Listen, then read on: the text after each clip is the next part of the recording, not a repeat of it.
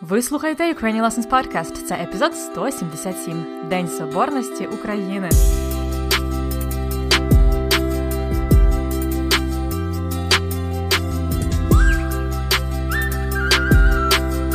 Привіт-привіт! Це Анна Огойко з подкастом Уроки української. Це подкаст для всіх, хто вивчає і любить українську мову.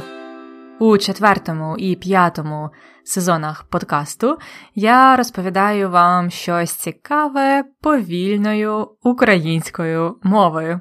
Ну, принаймні, я намагаюсь говорити не дуже швидко і чітко. У нас вже були епізоди на різні теми: і про моє життя, і про різні цікавинки з української мови, і про культуру українців. Також були епізоди про історію України, наприклад, про День Незалежності та наші національні символи це герб, прапор, гімн. Ці епізоди були на початку четвертого сезону. Я знаю, що дехто зі слухачів е, дуже любить епізоди саме про історію. Тому сьогодні, з нагоди свята, я вирішила познайомити вас з історією української соборності. Що це таке? Соборність. Розповім про це трішки пізніше. Отже, цей епізод вийде 20 січня, а 22 січня за кілька днів в Україні будуть святкувати одне з наших е, найважливіших державних свят. В Україні є релігійні, традиційні і державні свята. Так от, одним із державних свят є День Соборності України. Хочете дізнатися більше про це свято, а також про соборність? Тоді слухайте далі.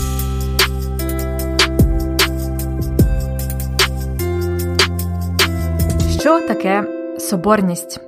Можливо, ви знаєте слово незалежність, День Незалежності України 24 серпня.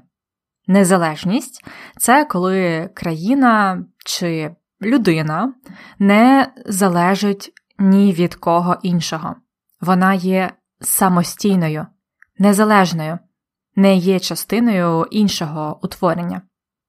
А соборність це неподільність об'єднаність. Тобто, коли щось е, у нашому випадку Україну не можна поділити на дві чи більше незалежні частини. Річ у тому, що в Україні є багато різних е, регіонів, областей, і при цьому Захід і Схід України, як ви, мабуть, знаєте, досить відрізняються, оскільки довгий час вони були частинами різних держав.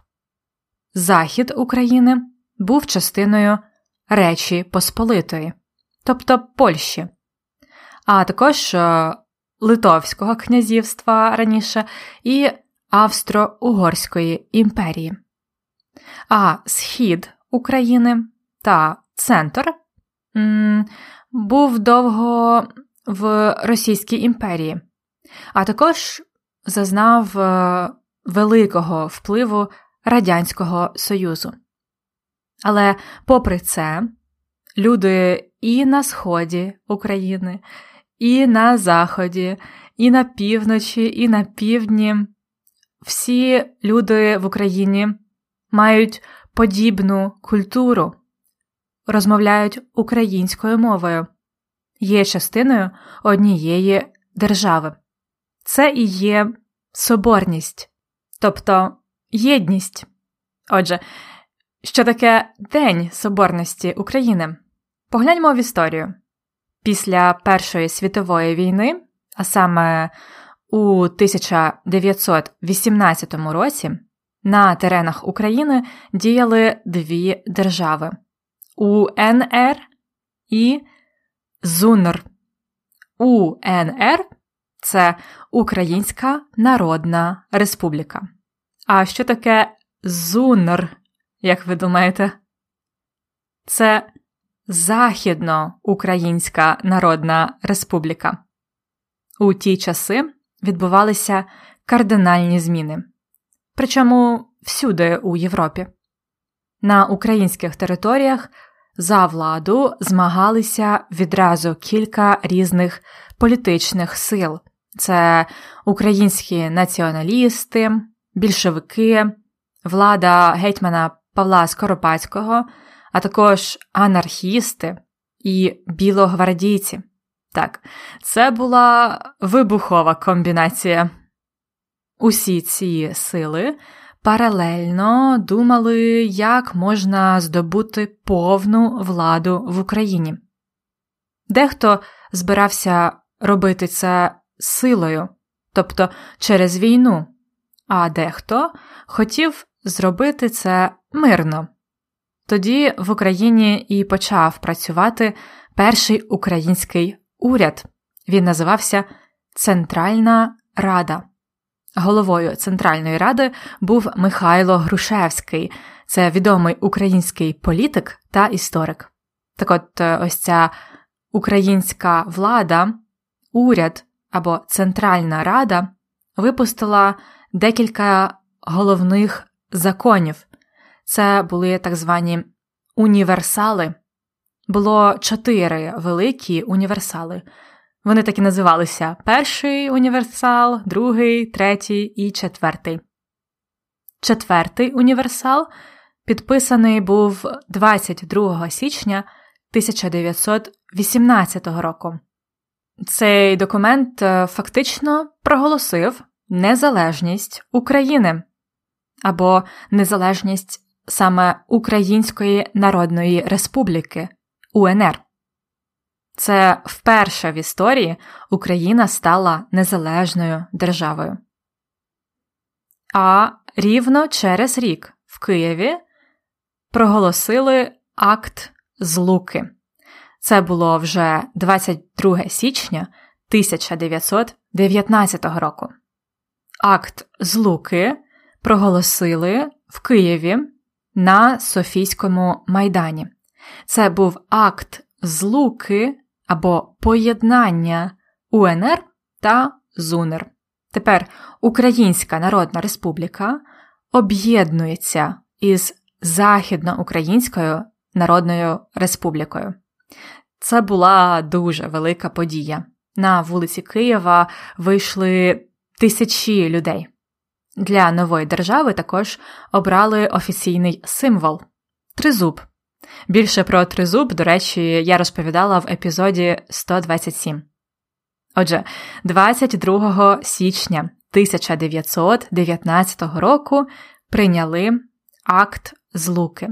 Люди вийшли на вулицю святкувати, відбувся військовий парад і народне віче. Віче це важлива частина української історії. Віче це фактично велике таке зібрання людей, великі збори. Йдеться про тисячі людей в одному місці, зазвичай на Майдані. І ці люди разом хочуть зробити важливе історичне рішення. Зокрема, такі віча також були на Майдані Незалежності у Києві під час Революції Гідності у 2013-2014 роках. Нарешті Україна стала соборною, єдиною, але не так сталося, як гадалося. На жаль, політична та міжнародна ситуація тоді була дуже складна.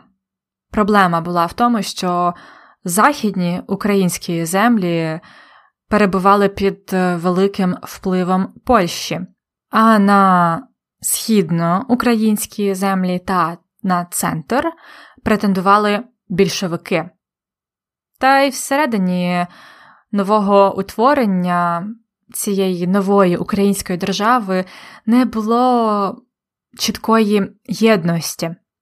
Тому фактично Українська Республіка УНР плюс ЗУНР проіснувала тільки кілька днів, і з часом велика частина України стала частиною Радянського Союзу, а Західна Україна увійшла до Польщі, і частина України під назвою Буковина стала частиною Румунії. Пізніше, вже після Другої світової війни, частина західноукраїнських земель знову стала частиною України, але вже в складі Радянського Союзу. Ну, а звісно, по-справжньому свою соборність, тобто єдність, Україна відновила уже на початку 90-х років. Якщо пам'ятаєте, Україна стала незалежною 24 серпня 1991 року. Але вже у 1990 році українці почали святкувати День Соборності. Тоді, 22 січня 90-го року, українці вийшли святкувати і організували живий ланцюг. Тоді більше ніж мільйон людей взялися за руки і утворили такий собі ланцюг між Києвом і Львовом. Тобто символічно це показало, що від заходу до сходу Україна одна, єдина, неподільна або соборна. Також ця подія була важлива, щоб показати світові, що Україна готова попрощатися з радянським комуністичним режимом і хоче бути самостійною і об'єднаною. З того часу святкування Дня Соборності відбуваються регулярно. На законодавчому рівні його затвердив президент України Леонід Кучма у 1999 році. Мені здається, найбільше беруть участь у святкуванні Дня Соборності молоді люди та студенти. Пам'ятаю, коли я була студенткою, ми часто виходили на День Соборності. Зазвичай це зима, сніг, холодно. А ми одягали на себе український прапор і малювали на обличчі також блакитно-жовті прапорці.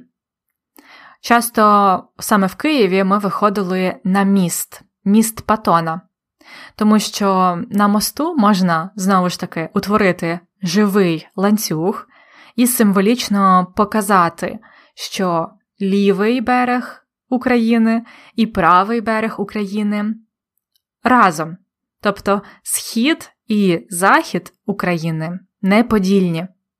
У цей день популярне гасло Схід і захід разом, так говорять люди. Ось таке патріотичне свято День Соборності України.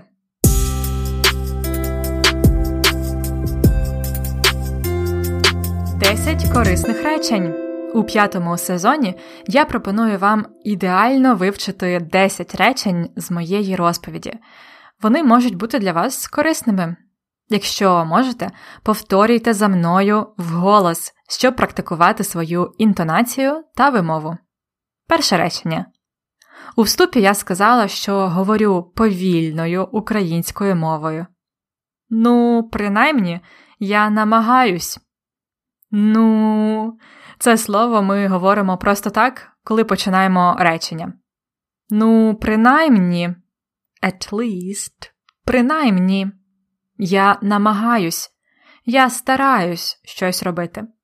Недавно, до речі, в нашій групі на Фейсбуці було цікаве питання: яка різниця між намагатись і спробувати? Спробувати, намагатись можна однаково перекласти англійською to try, але це зовсім різні слова. Намагатись це старатись, робити все, що є у ваших силах, все, що можна. А пробувати чи спробувати це зробити щось перший раз, часто один раз. Наприклад, можна спробувати борщ, або спробувати кататись на сноуборді, тобто зробити це перший раз. Ну, а якщо ви хочете сказати At least I try, кажіть, ну, принаймні, я намагаюсь. Речення номер 2 В Україні є релігійні, традиційні та державні свята. Це різні типи свят. Релігійне свято це, наприклад, Різдво, Великдень, Трійця. Традиційні свята це, мабуть, е, Андріївські вечорниці чи 8 березня, тобто День жінок. А державні свята пов'язані з країною, з державою. Вони часто патріотичні, наприклад, День Незалежності, День Соборності або День захисника вітчизни це День армії. Повторіть ще раз повний перелік. В Україні є релігійні, традиційні та державні свята. Далі речення номер 3 Після Першої світової війни на теренах України діяли дві держави. Перша світова війна, Друга світова війна це найбільші війни ХХ століття. Отже, після Першої світової війни на теренах України діяли дві держави. Що таке терени України? Це території, землі України. Інколи ми кажемо терени, а особливо в словосполученні на теренах. Наприклад, на теренах України є багато лісів. Повторіть ще раз. Після Першої світової війни на теренах України діяли дві держави. Після Першої світової війни на теренах України діяли дві держави. Наступне речення номер 4 У ті часи відбувалися кардинальні зміни. Кардинальні зміни це дуже сильні зміни. Це коли все міняють, все перевертають з ніг на голову, як ми кажемо ще. Наприклад, після поширення коронавірусу у світі сталися кардинальні зміни. Це була важлива історична подія. Повторіть у ті часи відбувалися кардинальні зміни. Наступне п'яте речення за владу змагалися відразу кілька різних політичних сил. Змагатися за владу це те, чим дуже люблять займатися політики або політичні сили. Вони змагаються за владу. Політичні сили це групи політиків, е, можна сказати, за інтересами. Це можуть бути партії чи блоки партій. У США, наприклад, зазвичай є дві політичні сили демократи та республіканці. В Україні політичних сил е, зазвичай більше. Отже, за владу змагалися відразу, тобто водночас, разом в один момент, кілька політичних сил. Повторіть. За владу змагалися відразу кілька політичних сил. І далі я додала це була вибухова комбінація. Так, політичні сили, які змагались за владу, були дуже різні. І українці, і більшовики, і анархісти, і білогвардійці це була вибухова комбінація, тобто поєднання, комбінація, яке призводить до бабах або бум, тобто до вибуху, вибухова комбінація. Ви можете сказати також в теперішньому часі. Це вибухова комбінація. Далі речення номер 7 Вперше в історії Україна стала незалежною державою. Вперше в історії це хороший початок речення. Так ми кажемо, що щось відбулось перший раз. Раніше такого не бувало. Україна стала незалежною державою вперше в історії у 1918 році коли прийняли четвертий універсал. А вперше в історії Україна стала соборною державою у 1919 році, коли прийняли Акт Злуки. Повторіть. Вперше в історії Україна стала незалежною державою.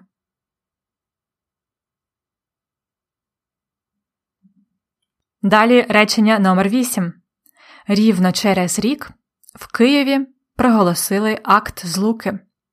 Дивіться, четвертий універсал прийняли 22 січня 1918 року, а акт злуки прийняли 22 січня 1919 року, тобто рівно через рік або точно через рік.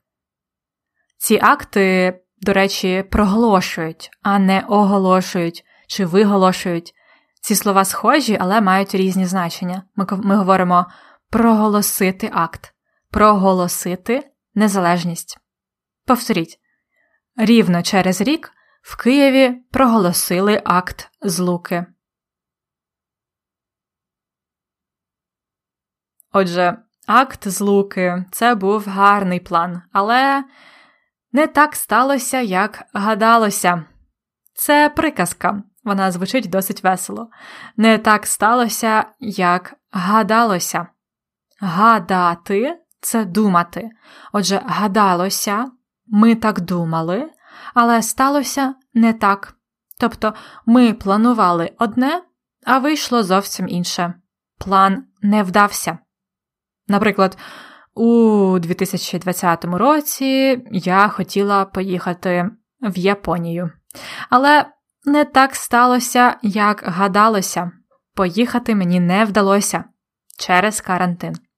Повторіть ще раз приказку, вона досить корисна. Не так сталося, як гадалося. І останнє речення. У цей день популярне гасло Схід і захід разом. Гасло це коротке речення чи слова, які люди кричать разом на мітингах чи під час протестів. Наприклад, на Революції Гідності було багато різних гасел, наприклад, одне Україна це Європа. Тобто люди кричали Україна це Європа. Це гасло. А на революції іншій, помаранчевій революції, гасло було Разом нас багато, нас не подолати. Це політичне гасло. А інше популярне гасло, яке говорять, е, щоб показати, що Україна соборна, неподільна, єдина, це Схід і Захід разом. Схід і Захід разом. Повторіть, у цей день популярне гасло Схід і Захід разом. Ось такий він День Соборності України. Ми святкуємо його 22 січня. Фактично, це наш другий день незалежності, тому що для українців важлива як наша свобода, незалежність, так і наша єдність, тобто соборність. На цій оптимістичній ноті я і завершую цей епізод. Як завжди, повний текст усього, що я тут кажу, а також переклад складних слів, корисні речення та вправи для практики ви знайдете у конспекті уроку. Усі конспекти до моїх уроків української ви можете отримати, оформивши преміум. Більше про преміум, а також фото зі святкування Дня Соборності ви знайдете на сторінці епізоду ukrainianlessons.com риска епізод 177 ukrainianlessons.com episode 177 Бажаю вам чудового дня чи вечора. До наступного уроку української. На все добре!